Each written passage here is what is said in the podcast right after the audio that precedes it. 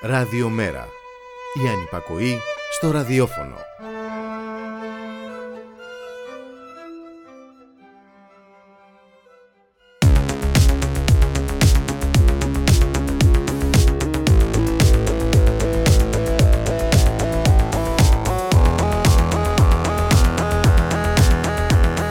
Άλλο ένα παραλαφούσι ξεκινάει σήμερα με την Πάολα Ρεβενιώτη. Στην ηχοληψία είναι ο Γιώργος Ονομικός και στην αρχισυνταξία ο Τάκης Κουρκουρίκης. Η αλήθεια είναι ότι έχω λίγο άγχος σήμερα γιατί πρώτη φορά κάνω live. Δεν Ε, το... Ελπίζω να το ξεπεράσω.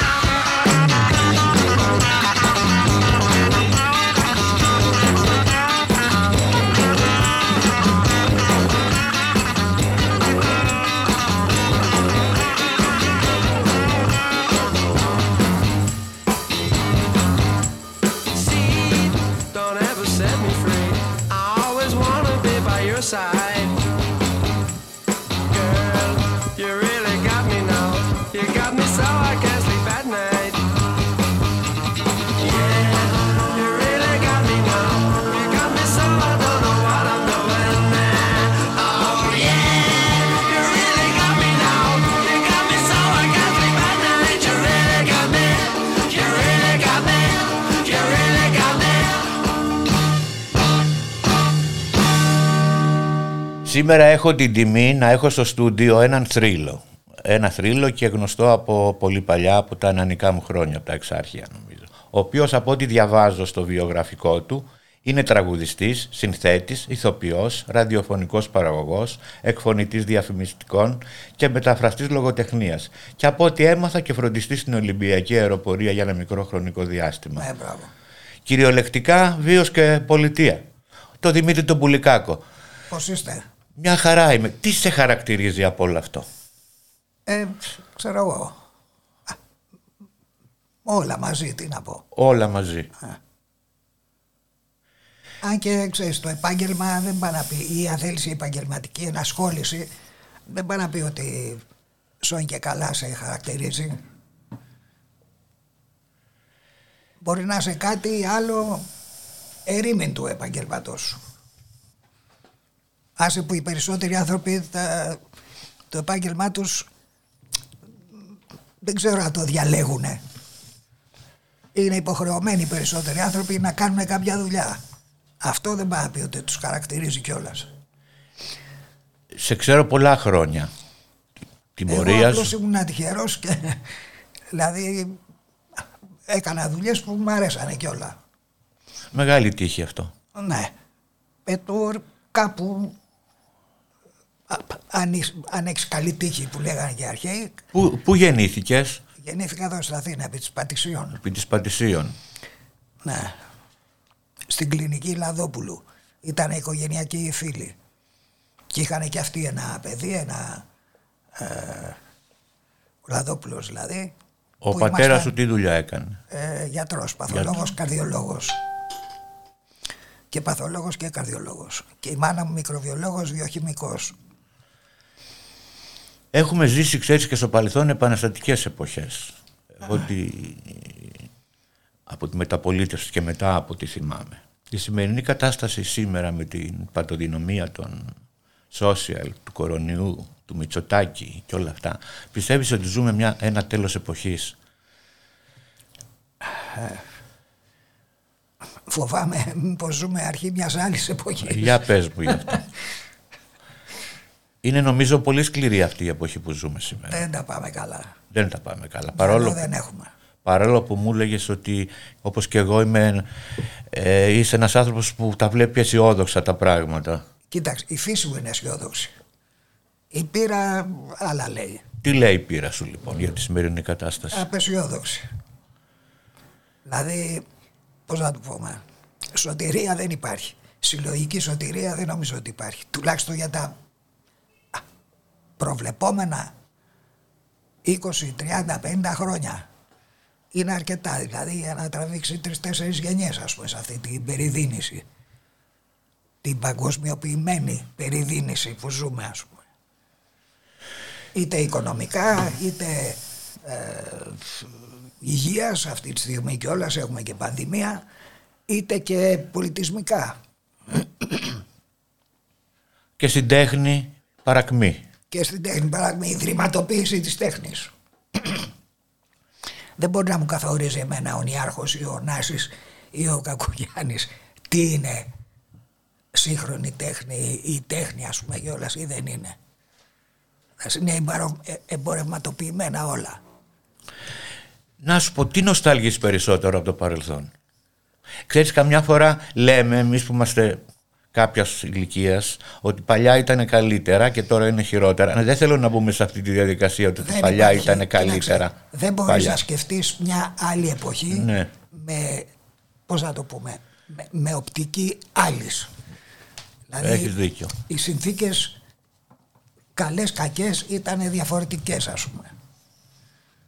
Ε, τι να σου πω. Α, τον Πετροπόλεμο που παίζαμε και εκεί τα παιδιά της γειτονιάς και όλο γυρνάγαμε, ο ένας με σπασμένο κεφάλι, ο άλλος με εκταρμένα γόνατα, Τις μπουρδελότσαρκες, τις αλητίες τις μπουρδελώσα και στις αρλητίες, που κι αυτά ήταν... το ήταν... ότι έμπαινε σε, σε όλα τα σπίτια μέσα της γειτονιάς και μπορούσε να ζητήσεις ας πούμε μια καραμέλα, κάτι λίγο νερό, λίγο, ξέρω εγώ, ένα λίγο καφέ που δεν υπήρχε εύκολα. Έχω κάτσει με το δελτίο για να πάρω καφέ και ζάχαρη. Πιτσιρικάς. Εκεί κοντά κάτω από την πλατεία Αμερικής που μέναμε. Τότε ήταν αγάμων. Δηλαδή φαντάσου τώρα τα νέα παιδιά που είναι 16, 17, 18 χρονών και με την εποχή του κορονοϊού και με όλα αυτά και μέσα από το ίντερνετ Απ' το- πώς α- μπορούν να Από φτάνουν; τη φούσκα που έσκασε, την οικονομική τη φούσκα, δηλαδή όλη αυτή την 12ετία, ας το πούμε, 13ετία περίπου, από το 8 πες, λίγο πολύ. Ε, είναι τραγωδία ας πούμε αυτό. Έχεις- Δηλαδή τι περιμένεις ας πούμε από αυτά τα παιδιά να με, πώς θα αισθάνονται; Μεγαλώντας ας πούμε μέσα σε αυτή τη, τη, τη κομικοτραγική περιδίνηση θα έλεγα. Το χειρότερο απ' όλα για μένα δεν είναι ούτε το οικονομικό ούτε της υγείας. Και τα δύο υπάρχουν σχετικά λύσεις. Το πολιτισμικό είναι το... Η τραγωδία είναι η πολιτισμική τραγωδία. Παίρνουν περισσότερα πάνω σε αυτό. Τι να πω. Τι, ποια είναι η πρώτη λέξη που μαθαίνουν οι ξένοι σήμερα στα ελληνικά; Μαλάκας. Α, μπράβο. Ήμουνα στο Παρίσι πριν είναι δύο μήνες και Έχει άκουγα Άραβες και μιλά... διεθνοποιηθεί. Ναι. Και άκουγα ανάμεσα στα αραβικά να λένε Μαλάκα. μαλάκας. Έτσι. Μαλάκας. Μου έκανε τρομερή εντύπωση. Έχεις πει ότι ο Έλληνας ζει σε έναν πολιτισμό του κόλ. Ε, ειδικά σήμερα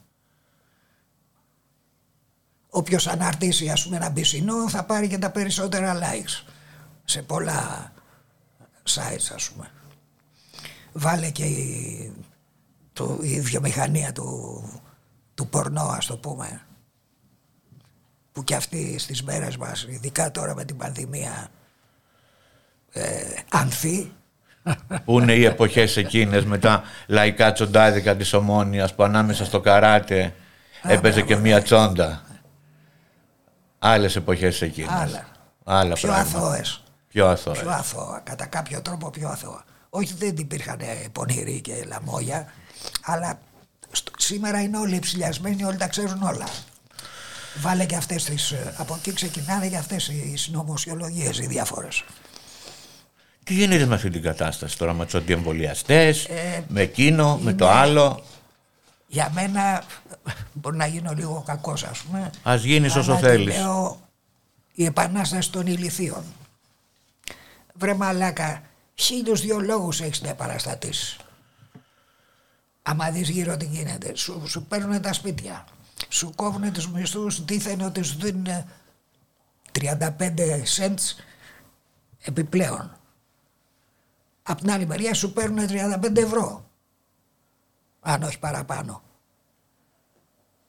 Ξέρεις, είναι τραγικό επίσης. Να, δηλαδή ένας λαός ας πούμε που ψωμονισάει και ψηφίζει τους, τους δημίους του. Πώς το εξηγείς αυτό, τι, τι, τι, τι, τι, τι κουβαλάει αυτός ο Έλληνας στο κεφάλι του; Δεν Ε. μπορώ να καταλάβω δηλαδή να έχει το Βορύδι, να έχει το Γεωργιάδη. Παλιά και ήταν και οι δεξιοί, αλλά υπήρχαν δεξιοί που είχαν και μία μόρφωση. Τους έζησε κι αυτό και μια παιδεία. Τώρα δεν υπάρχει αυτό, Ε. Και τίποτε. ακόμα υπάρχουν, ε. απλά είναι πιο υποβαθμισμένοι ας το πούμε. Τι να πω, καφρίλα rules. Για την αριστερά. Τι γίνεται με την αριστερά πια; Υπάρχει λόγος μέσα στην αριστερά που να πιστέψει ο κόσμος να μας ξαναδημιουργήσει Κοίταξε. κάποια οράματα προς καλύτερη ζωή; όπως ε, ψέγω αν θέλεις το, το έντεχνο λεγόμενο τραγούδι που κάπως αντιπροσωπεύει την ε, κάποια αριστη- αριστερά ας πούμε, αρκετή αριστερά ε, θα πω ότι για να κάνεις τον άλλο να κλάψει δεν χρειάζεται να κλαις και εσύ ο ίδιος. Αυτό το κλάμα δηλαδή η κλαψομουνία ας πούμε είναι ε, εκνευριστική στο τέλος τέλος. Δεν παίζουμε και κλασική μουσική. Τραγουδάκια. Η σοβαροφάνεια θα μας φάει. Ε, πολλά θα μας φάνε.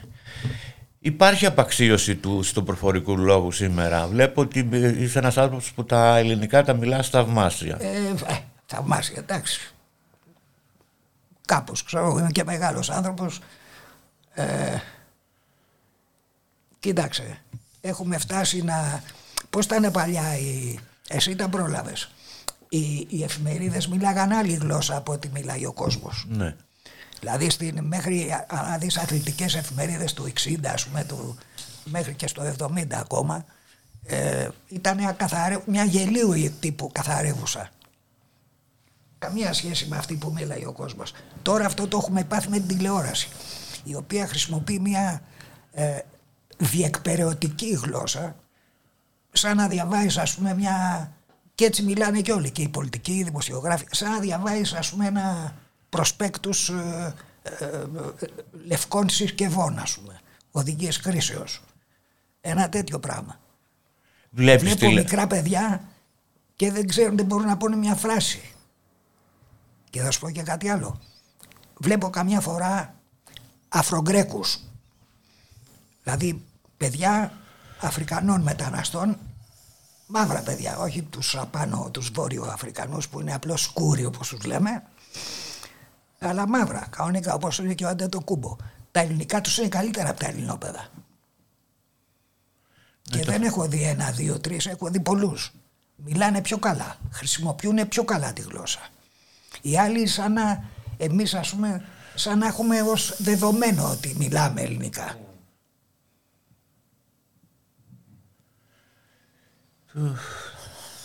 Η γλώσσα είναι η πατρίδα μας. Αν μιλάς πολλές γλώσσες, έχεις πολλές πατρίδες. Μπορείς να έχεις πολλές πατρίδες, γιατί μπορείς να... Η γλώσσα έχει μαζί και το πνεύμα του λαού που τη μιλάει. Σε έχουν αποκαλέσει και νονό της ελληνικής ροκ. Τον τίτλο αυτό τον αποδέχεσαι; Ε, τώρα, Ε, λέμε τώρα. ε, εντάξει, σαν ανέκδοτα, ναι, εντάξει. Ανεκδοτολογικά, ας πούμε, εντάξει. Με έχουν πει πολλά ο Καζατζίδης της ροκ, ο Πατριάρχης της ροκ, διάφορα. Τηλεόραση βλέπεις καθόλου; Βλέπω, ναι, γιατί ξέρεις, θέλω να ξέρω πού βρίσκομαι. Έχεις παίξει σε serial στην τηλεόραση και σε τέτοια, Πολλά. τα οποία ήταν ε, πάρα πολύ σημαντικά. Η αυθαίρετη βασικά. Η αυθαίρετη, αριστούργημα. Αλλά εντάξει και σε κάποια άλλα. Έτσι, Για θύμισε μας και κάποια άλλα. ε, τους κυνηγούς του στο, πώς το λέει η Ελλάδα, σιγά η Ελλάδα κοιμάται ένα τους Σμαραγδί ε, διάφορα Στα, κάμια πενταριά, εξενταριά τίτλους έχω Τώρα πώς τη βλέπεις την τηλεόραση; γάμισε τα Για πες μου περισσότερο. ε, μια φλουφλό είναι απλώς αυτό που λέγαμε προηγουμένως η βιομηχανία της εξαπάτης βγαίνουν ας πούμε τώρα στα πρωινάδικα για αυτά και λα λα λα χορεύουν και νομίζω ότι θα μεταδώσουν το, το κέφι τους και στον κόσμο γάμισε τα δηλαδή Και ο κόσμος εκείνη τη στιγμή τρέχει από εδώ και από Μόνος εκεί να τρέχει τα από βγάλει εδώ πέρα από και εκεί να αυτές, σώσει στο σπίτι του να δει πώς τα ταΐσει τα παιδιά του και αυτές χορεύουν Τι θα- και τι δίνουν θα συνταγές. γλιτώσει. Τι θα γλιτώ. τι θα γλιτώσει και πάρα πολλοί δεν μπορούν να γλιτώσουν τίποτα Ας βάλουμε κανένα για να μας τραγουδάκι. κάνει ο, ο κύριος Βαφαγκούλης μας ξέρεις το, τον υπέρκομψο πρωθυπουργό Για το Μητσοτάκι ποια είναι η γνώμη σου; Τους έχει ζήσει όλη την οικογένεια. Κοίταξε, ο, ο, ο Μητσοτάκης για να πάρουμε τα κόμιξ το βλέπω κάτι μεταξύ Άβερελ και Φιλντεφέρ όσοι διαβάζανε Λούκι Λουκ θα τον ξέρουν το Φιλντεφέρ ένας έτσι κομψός αλλά κακούλης χαρτοπαίκτης και πιστολέρο. Τον οποίο όμως βέβαια ο Λούκι Λουκ στο τέλος Νταν Νταν που λένε και στην, στην Κρήτη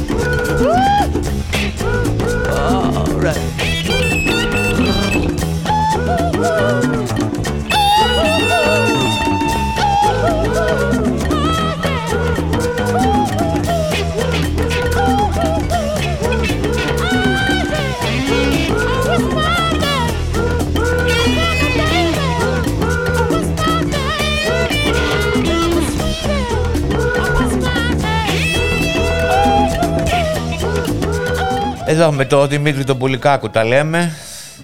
Θέλω να μου μιλήσεις για την εποχή που όταν η Αθήνα ήταν χωριό εσύ είχες πάει στο Λονδίνο σε μια εποχή που ήταν τρομερή. Για πες μου μερικά πράγματα. Τι θες να σου πω; Πώς ήταν εκείνη η εποχή, το, ποια εποχή ήσουν στο Λονδίνο; Ε, κοίταξε, από το 64 μέχρι το 75 περίπου, ε, συνήθως ε, ξεχειμόνιασα στο Λονδίνο και ερχόμουν για διακοπές, ας πούμε, στην Ελλάδα. Δούλε, έχεις δουλέψει και σε στριπτιζάδικο. Ναι, Για πες μου. αρκετές σεζόν.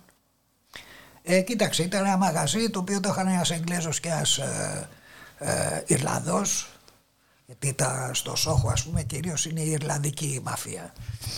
Ε, αλλά πρέπει να υπάρχει και ένας Εγγλέζος για το νταραβέρι με την πολιτσιέρα με και αυτά. Ε, είμαστε έτυχε σε αυτό το μαγαζί το Phoenix ε, στην Greek Street. Μάλιστα, λίγο παραπάνω είχε και ένα μπακάλικο ελληνικό που ανήκε στον πατέρα του Κατ Στίβενς που αργότερα έγινε ε, μουσουλμάνος, Κύπριος, τραγουδιστής. Διάσημος, μια εποχή ήταν ε, number one σχεδόν. Λοιπόν, έτυχε και εκεί δουλεύαμε, δουλέψαμε τρεις-τέσσερις Έλληνες. Και έτσι ωραία ήταν. Αυτά είναι το στριπτή στην Αγγλία, δεν είναι όπως είναι το, έτσι, το χλιδάτο, το στριπτή το, το γαλλικό που είναι ξέρεις, με φτερά και τα βυζάκια έξω να, πούμε, και κατεβαίνουν τις σκάλες όλες μαζί χορευτικά. Γιατί... Εκεί είναι ένα μικρό θεατράκι με καμιά 20, 15-20 καθίσματα να μπει ο Λιδιάρης να πούμε, με τη Λιγδέρη, τη, την Καμπαρντίνα να πούμε. Ο Εγγλέζος να κάτσει ας πούμε εκεί λίγο να τον παίξει ας πούμε. Ή εν πάση περιπτώσει να χαζέψει το, το κορίτσι της διπλανής πόρτας. Οι Εγγλέζοι δεν έχουν τέτοια στριπτίζ ας πούμε. Έχουν μόνο αυτό. Να, γι' αυτό και όλες οι στριπτιτζούδες εκεί ήταν φοιτήτριες περισσότερες. Άσπρες, μαύρες, κίτρινες. Όλων των φίλων και φίλων. Το, τα εξωτικά είναι ας πούμε στο πρόγραμμα που κρατάει όλο ας πούμε δύο ώρες ε, υπάρχει ίσως ένα ίσως καμιά φορά και δύο εξωτικά νούμερα. Τότε στο ένα το εξωτικό το νούμερο είχαμε και μια Ελληνίδα που έκανε έτσι τη γυναίκα αράχνη ας πούμε, είχε το, τα πρόψα ας πούμε, τα, ε, πώς το λένε, τα σκηνικά ήταν μια, ένας συστός αράχνης ας πούμε. Και είχε και ένα τεκνό που τη μαστίγωνε και τέτοια. Κατά τα άλλα ήταν τίποτα, ένα τραπεζάκι, ένας καλόγερος, μια κουνιστή ε, καρεκλίτσα ας πούμε και ερχόταν η κοπελίτσα σαν να έκανες μπανιστήρι στη, στην απέναντι πολυκατοικία ας πούμε. Έτσι είναι η Εγγλέζη. Το στριπτής. Και είχε και μια αίθουσα στο υπόγειο που τους δείχναμε ταινίες. Είχε έβαζε μια 20 λεπτή ας πούμε μπουμπίνα οπότε μπορούσες να πας να πούμε, και στη γωνία να πάει σαν σάντουιτς κάτι.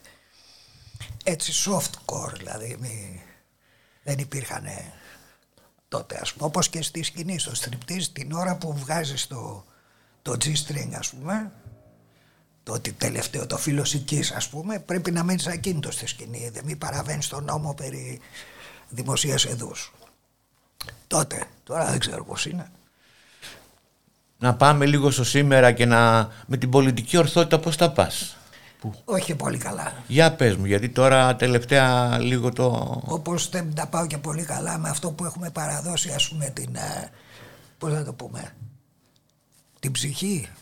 Δεν ξέρω δεν μπορώ να πω ψυχή γιατί η ψυχή δεν, δεν έχει ε, ένα ορισμό που να είναι αποδεκτός. Ξέρεις μέχρι στιγμής ας πούμε ακόμα και ο Αριστοτέλειος ας πούμε, ο ορισμός ψυχής δεν είναι γενικά αποδεκτός. Δεν ξέρουμε τι είναι ψυχή οπότε πως παραδίδεις την, α, την πνευματική υγεία του παιδιού σου κυρά μου ας πούμε στο, σε ένα ψυχολόγο; Νευρολόγος το καταλαβαίνω. Έχει ένα αντικείμενο. Ή καρδιολόγος το καταλαβαίνω. Ή ουρολόγος το καταλαβαίνω. Ή γαστρεντερολόγος το καταλαβαίνω. Ξέρουμε τι είναι. Τα έντερα ας πούμε. Η ψυχή δεν ξέρουμε οπότε πως υπάρχει ψυχολόγος πως μπορείς να λέει είσαι ψυχολόγος ψυχοθεραπευτής; Παραμύθι όπως από την άλλη μεριά είναι αυτή η, η διάσημη πλέον ε, πράσινη, πράσινη ανάπτυξη Εδώ κοιτάνε πώς θα ε, ε, είπανε να αναπτύξουν πυρηνική να κάνουν περισσότερα πυρηνικά εργοστάσια να χρησιμοποιήσουν πυρηνική ενέργεια. Πράσινη ενέργεια η πυρηνική. Πράσινη από την άποψη ότι θα μας πρασινίσει όλους. Ότι θα γίνουμε όλοι πράσινοι. Πράσινη πυρηνική ενέργεια. Γάμισε τα δηλαδή. Με, το θεό, με τους θεούς πώς θα πας και με τη θρησκεία και με τους παπάδες; Ε, με το ιερατείο δεν τα πάω καλά. Κοίταξε, η πίστη είναι κάτι εντελώς ατομικό. Πώς είμαστε στον κόσμο γύρω στα 7,5 δις; Αν ρωτήσεις, ας πούμε, αν μπορούσες να καταγράψεις το πώς σκέφτεται ο καθένας το θεϊκό, το θείο εν πάση περιπτώσει, ή το Θεό πώς- ή τους θεούς, θα υπήρχαν 7,5 δισεκατομμύρια διαφορετικές παραλλαγές τουλάχιστον. Οπότε ο Μάρκ Τουέν έλεγε ότι η, η πρώτη θρησκεία λέει εφευρέθηκε όταν ο πρώτος, το πρώτο λαμόγιο, ο πρώτος απατεώνας συνάντησε τον πρώτο ηλίθιο. Και μετά τις σε πειράζει κύριε Ραμάνο, άλλος έχει άλλη θρησκεία. Υποτίθεται ότι δέχεστε και οι δύο ότι κάτι υπάρχει ας πούμε το θεϊκό. Από πού και ως που είμαστε τόσο σίγουροι ότι είναι ο, ο Γεχοβάς ή ο, ο Γιαραμπής να πούμε ή ο, ο Μάκης ή ο Τάκης ή ο Αλάχ να πούμε ή ο, ο Βούδας ας πούμε, ο Βούδας δεν νοείται άσχετο αν υπάρχουν βουδιστές ο Βούδας δεν νοείται ως Θεός ούτε ο Κομφούκιος εξάλλου Εσύ τι πιστεύεις; τι πιστεύω; Ναι, όσο αφορά τι; Τη μεταθάνατον ζωή. Κοίταξε, το λέω πολύ συχνά, ε, επειδή έχω ως, ε, κάπως εδώ τον Ηράκλειτο και από την άλλη μεριά το Διογέννη, ο Διογέννης έλεγε όταν πεθαίνεις επανέρχεσαι στην ίδια κατάσταση που δεν βρισκόσουνα πριν γεννηθείς.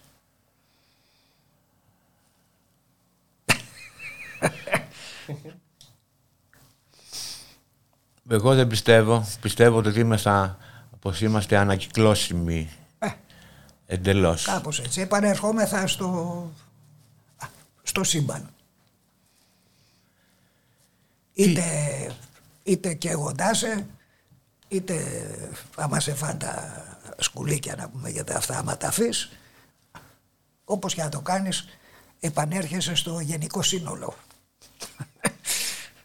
με, άλλη, με άλλη μορφή και υφή και χωρίς τη συνείδηση τη- που έχεις ζώντας. Την εποχή της δικτατορίας που ήσουν εσύ; Ε, ήμουνα Λονδίνο, ήμουνα στο Παρίσι, ήμουνα και εδώ. Ήρθα μια εβδομάδα πριν γίνει το πραξικόπημα. Πρόλαβα τη συναυλία των ε, Στόν στο, στον Παναθηναϊκό, εκεί στην Αλεξάνδρας και μετά από τρεις ε, μέρες τέσσερα, έγινε το πραξικόπημα. Ήμουνα με κάτι φίλους που πηγαίναμε προς ε, Ανατολάς, δηλαδή πηγαίναμε προς Ινδίες και τέτοια. Ήταν ανοιχτοί ακόμα σχετικά οι δρόμοι τότε. Με αυτούς ήρθα και από, από Λονδίνο και Παρίσι. Ε, με ένα στέσιο, ας πούμε, και ένα τροχόσπιτα από πίσω. Αλλά κλείσαν τα σύνορα, εγώ έμεινα μέσα, αυτοί συνεχίσανε. Ε, Και μετά από λίγες μέρες πήγα στα Μάνταλα και έκατσα όλο το καλοκαίρι και γυρνώντας έπιασα δουλειά ως μπασίστας όπου ο φίλος μου ο Δημήτρης ο Πολύτιμος που ήταν ήδη στο γκρουπ να παίξω δουλειά δεν είχα. Έμαθα τα κομμάτια στον μπάσο και άρχισα την α, συμμετοχή μου ας πούμε στο, με τους MTC ένα συγκρότημα που είχαμε τότε Στα Άρχισα να εξάρχεια, παίζω μουσική δηλαδή από τότε στα εξάρχεια πηγαίνεις καθόλου για καφέ καμιά φορά; ε, τώρα τελευταία όχι πολύ Και εγώ δεν πηγαίνω. Είναι λίγο θλιβερή η κατάσταση που επικρατεί. έτσι μου φαίνεται και εμένα Ασφιχτικά. Με τα ναρκωτικά, ας μιλήσουμε λίγο για τα ναρκωτικά. Πιάνουν τα πιτσιρίκια τώρα και τα κλείνουν μέσα για ένα Κοίταξε. τσιγαράκι. Η, η ποτοαπαγόρευση στις ε, Ηνωμένες Πολιτείες δεν μας δίδαξε τίποτα δυστυχώς. Οι απαγορεύσεις οδηγούν σε λαθρέες επιχειρήσεις. Άρα στην παρανομία, δηλαδή πιο πολύ παρανομία υπάρχει απαγορεύοντας κάτι παρά επιτρέποντάς το α, με κάποιους, κάποιο έλεγχο ας πούμε. Πρώτα απ' όλα συνέφερε και το ίδιο το κράτος, από τη φορολογία και μόνο. Συν ότι κάποιες και στο κάτω-κάτω άμα πας να πέσει από μια ταράτσα έρχεται κανένας να σου πει μην αυτοκτονήσεις. Όχι. Φωνάζουν και πέσε πέσε κιόλας μερικοί. Α, μπράβο. Είχες, είχες μια συμμετοχή σε ένα πείραμα του, για το LSD στο BBC, ε; Ναι. Το 66. Για πες μου τι είχε γίνει. ε, υπήρχε ένας λόρδος στη Βουλή των Λόρδων τότε που έλεγε να επιτραπεί ας πούμε το LSD κλπ. Ε, και α, το BBC γινόταν μια συζήτηση ας πούμε ε, και το BBC αποφάσισε να κάνει ένα ντοκιμαντέρ δίνοντας αυτή ας πούμε το BBC τα, το LSD σε μια παρέα ας πούμε ε, και δεν ξέρω πώς διαλέξανε κάποια άτομα που έκανα κι εγώ ας πούμε παρέα.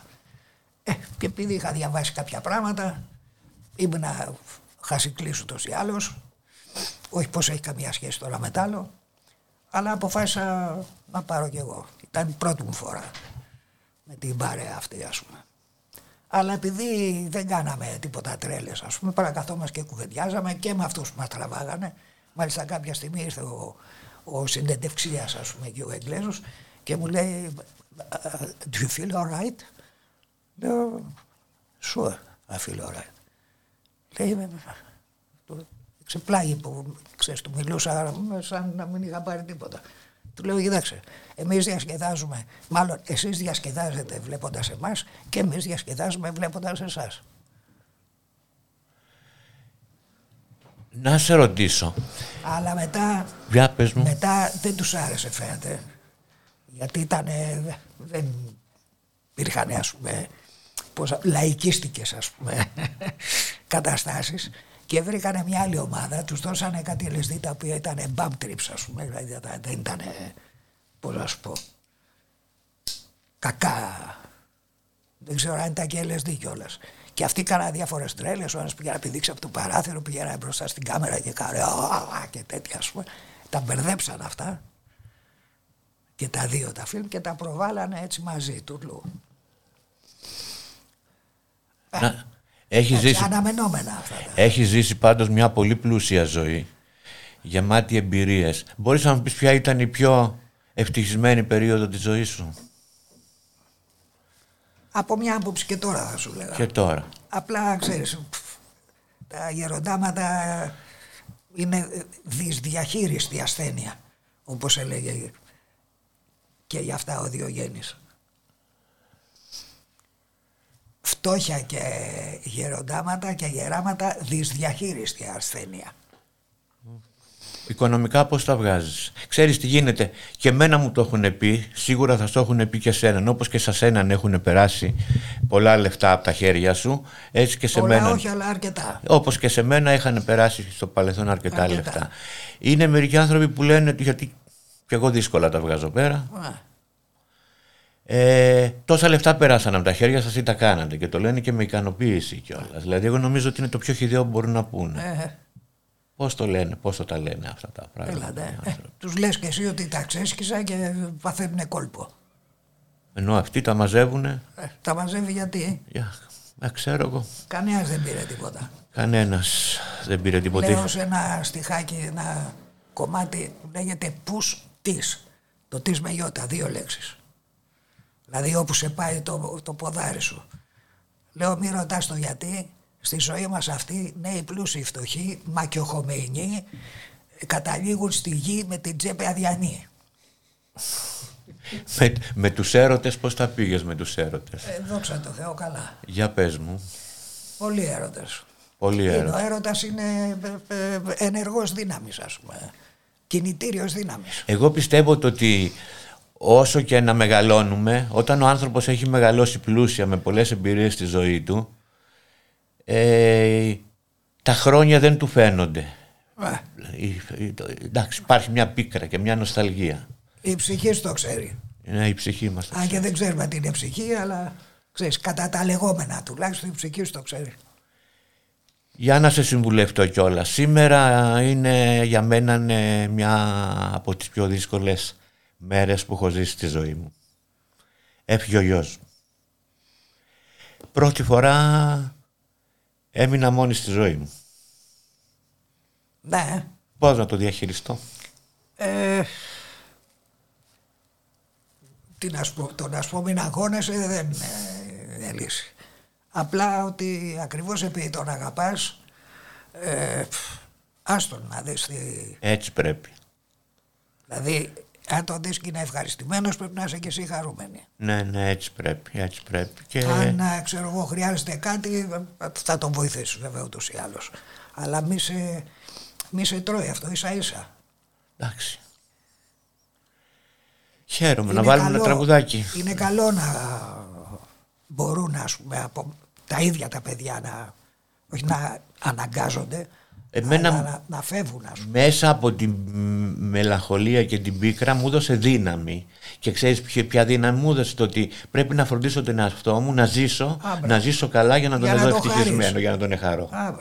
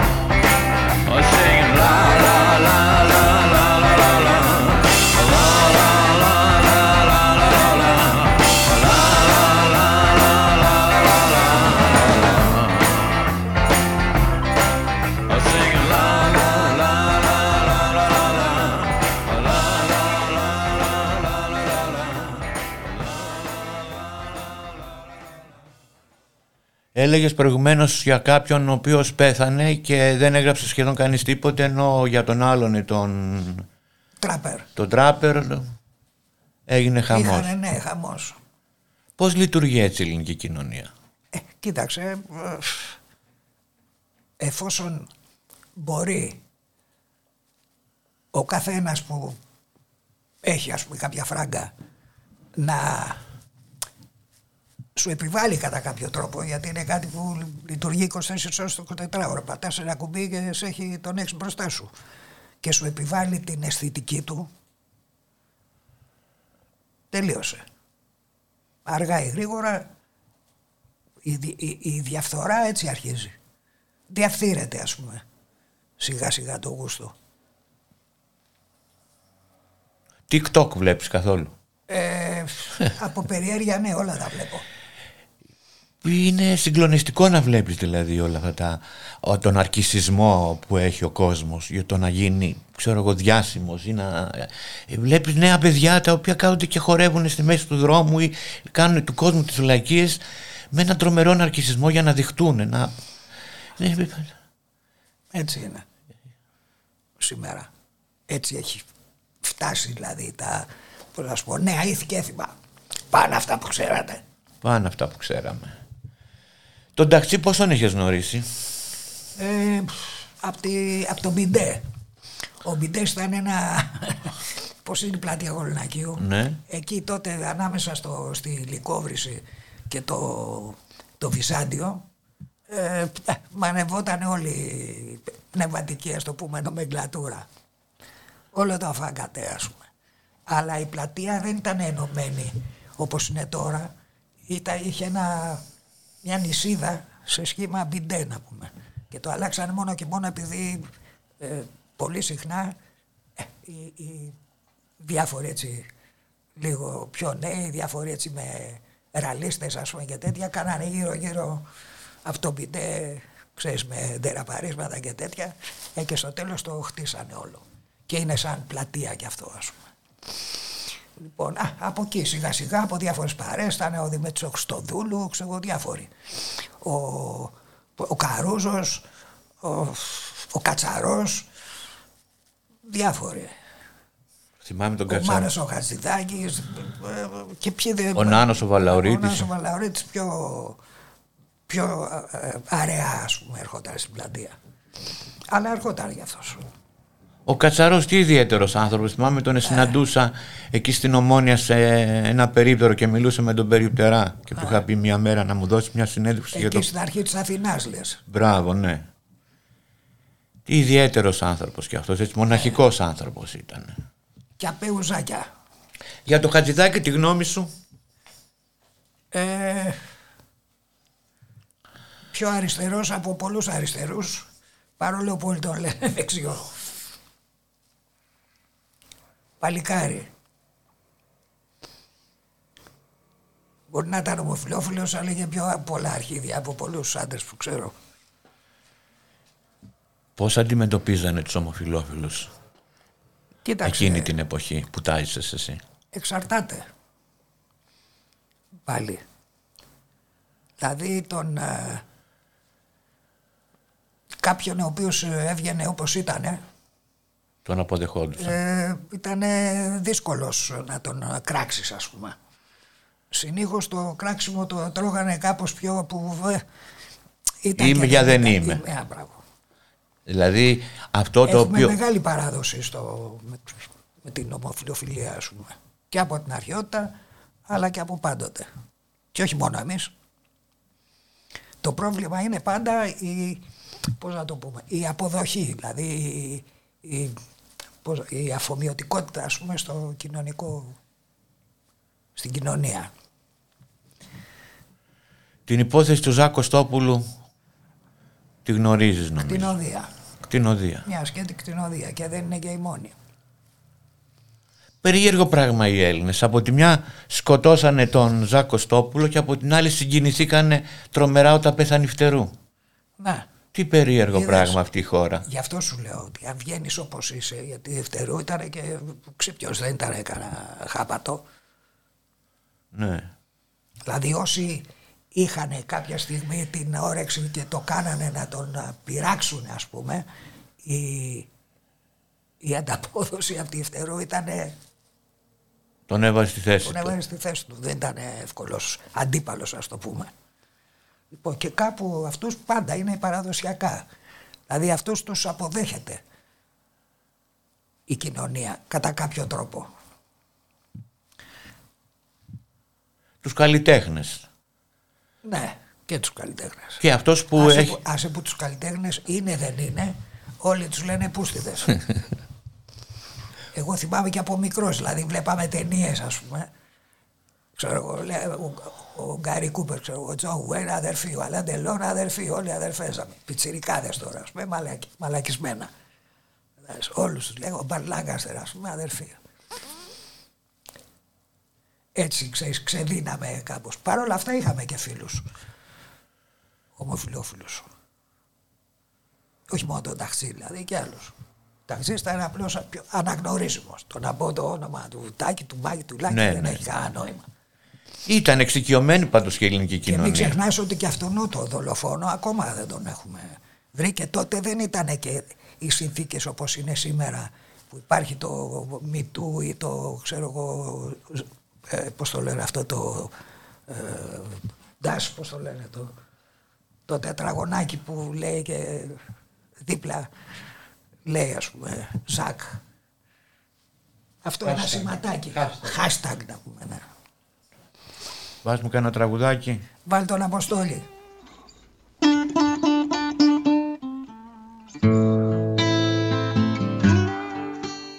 Με το μακάρι τον Νίκο το Σπυρόπουλο, του συνάδελφο.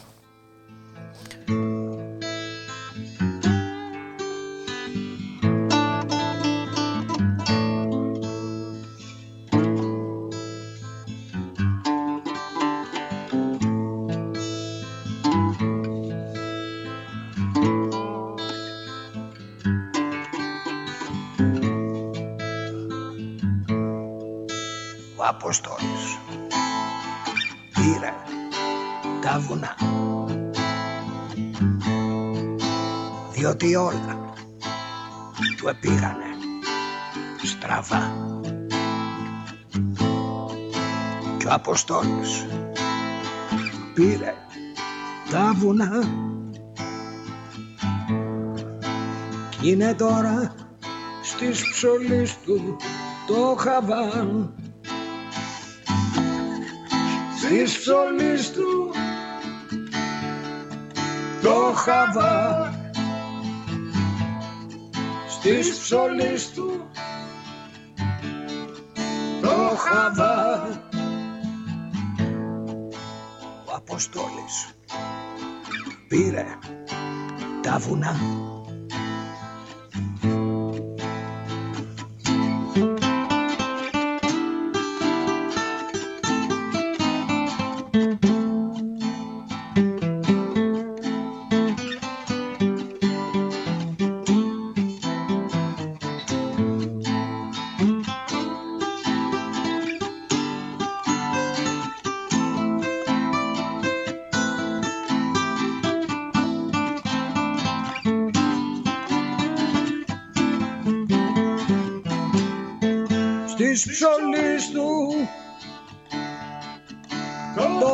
το χαβά στη ψωλής του το χαβά ο Αποστόλης πήρε τα βουνά. Παράτησε γυναίκα και παιδιά. Και ο Αποστόλης πήρε τα βουνά. Και έχει τώρα της ψωλής του το χαβά. Της ψωλής του ο, το χαβά. Της ψωλής του το χαβά της ψωλής του το χαβά ναι ο Αποστόλης πήρε τα βουνά Συγκινήθηκες πριν λίγο όταν μίλησες για το Σπυρόπουλο; Ε, εννοείται. Είμαστε ντουέτο τα τελευταία 7-8 χρόνια και μαζί με τον ε, ε, Βασίλη, τον αδερφό του, αλλά και τα τελευταία χρόνια με τον ε, ντουέτο, με τον Νίκο. Τον καλό συνάδελφο, όπως τον λέω. Δύσκολο να μεγαλώνεις και να βλέπεις φίλους να φεύγουν, ε; Δύσκολο. Και όσο μεγαλώνεις τόσο περισσότεροι φεύγουν. Άμα είσαι εσύ ζωντανός. Άμα φύγεις, ούτε στα αρχίδια σου δεν μπορεί να πεις. Η φιλία έπαιξε σημαντικό ρόλο στη ζωή σου. Υπάρχουν ε, πραγματικά Εννοείται. φίλοι. Έχω, ναι, έχω. Έχεις. Τυχερός άνθρωπος είσαι. Έχω. Έχω. Παλιούς κυρίως. Παλιούς καλούς φίλους. Για πες μου μερικούς. Κι ας μην τους ξέρουμε, δεν πειράζει. Δεν τους ξέρεις. Κάνε, δηλαδή δεν είναι τίποτα, ξέρεις παιδιά που είναι στην επικαιρότητα, είναι αναγνωρίσιμοι αυτά. Είναι ξέρεις, ιδιωτικοί φίλοι. Οι φίλοι που φαίνονται περισσότερο. Ο κόσμος λέει στα δύσκολα. Πού νομίζεις ότι φαίνονται περισσότερο οι φίλοι; Άμα είναι συνέχεια μες στο, άμα τους κουβαλάς και αυτούς μαζί σου, τα άτομα που αγαπάς τα κουβαλάς και αυτά μαζί σου. Οπότε είναι παντού. Δηλαδή μπορεί να έχεις ένα φίλο που να έχετε να μιλήσει 10 χρόνια. Άμα είναι παλιός και καλός φίλος, όταν θα μιλήσετε θα είναι σαν να ήσασταν μαζί πριν δύο ώρες. Δηλαδή αυτή μια περίεργου τύπου ε, οικία παρουσία ας πούμε. Είναι συνέχεια μες στο μυαλό σου. Συνήθως όταν με ρωτάνε και εμένα να λέω συμβουλές τι θα πούμε στα νέα παιδιά, τι θα πούμε έτσι εμείς οι μεγαλύτεροι, θα σου πω αυτό το κοινότυπο πάλι. Τι θα έλεγες στα νέα παιδιά που μας ακούνε μέσα από τη ζωή σου και τα βιώματά σου; Μία συμβουλή. Να προσέχουν. Δεν δίνω συμβουλές, δεν μ' αρέσει να δίνω συμβουλές. Το ίδιο και εμένα. Ναι. Αλλά, Αλλά το να προσέχουν μπορώ να το πω. αλλά ξέρεις καμιά φορά όμω. Τι να προσέχουν, όλα τα προσέχουν διότι τα περισσότερα σήμερα γίνονται εκ του πονηρού.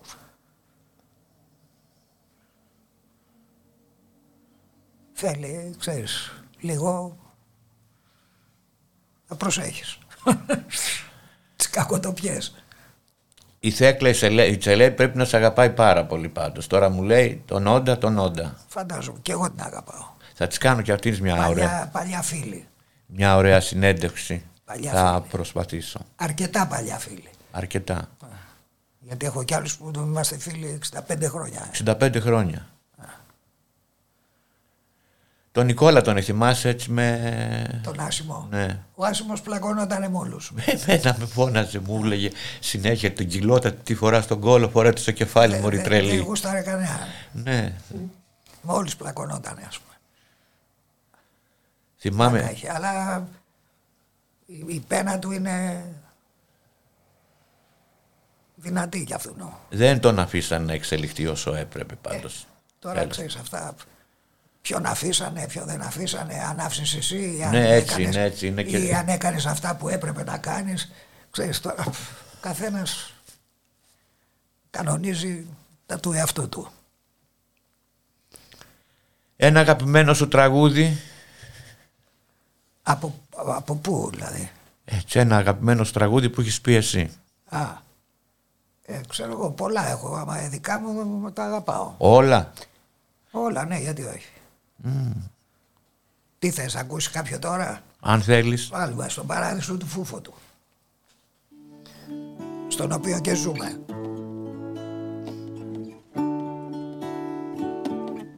Με τον Νίκο το Σπυρόπουλο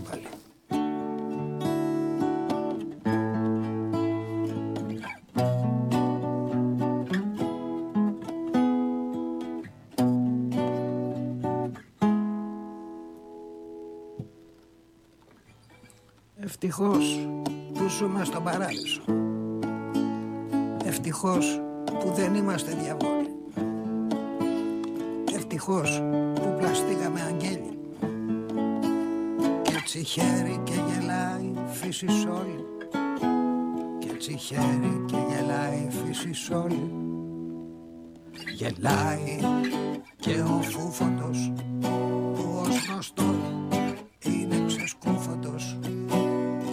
γελάει και ο φούφωτος που ως γνωστόν είναι ξεσκούφωτος.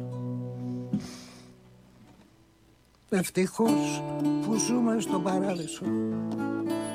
Ευτυχώς που μας δεχτήκαν στην Ευρώπη. Είναι όλοι τους τόσο καλοί ανθρώποι. Το λέει ο Μάκης, το λέει ο Πάκης, το λέει και η Πόπη. Το λέει ο Κούλης, το λέει η Σόφη, το λέει και η Φόφη. Το λέει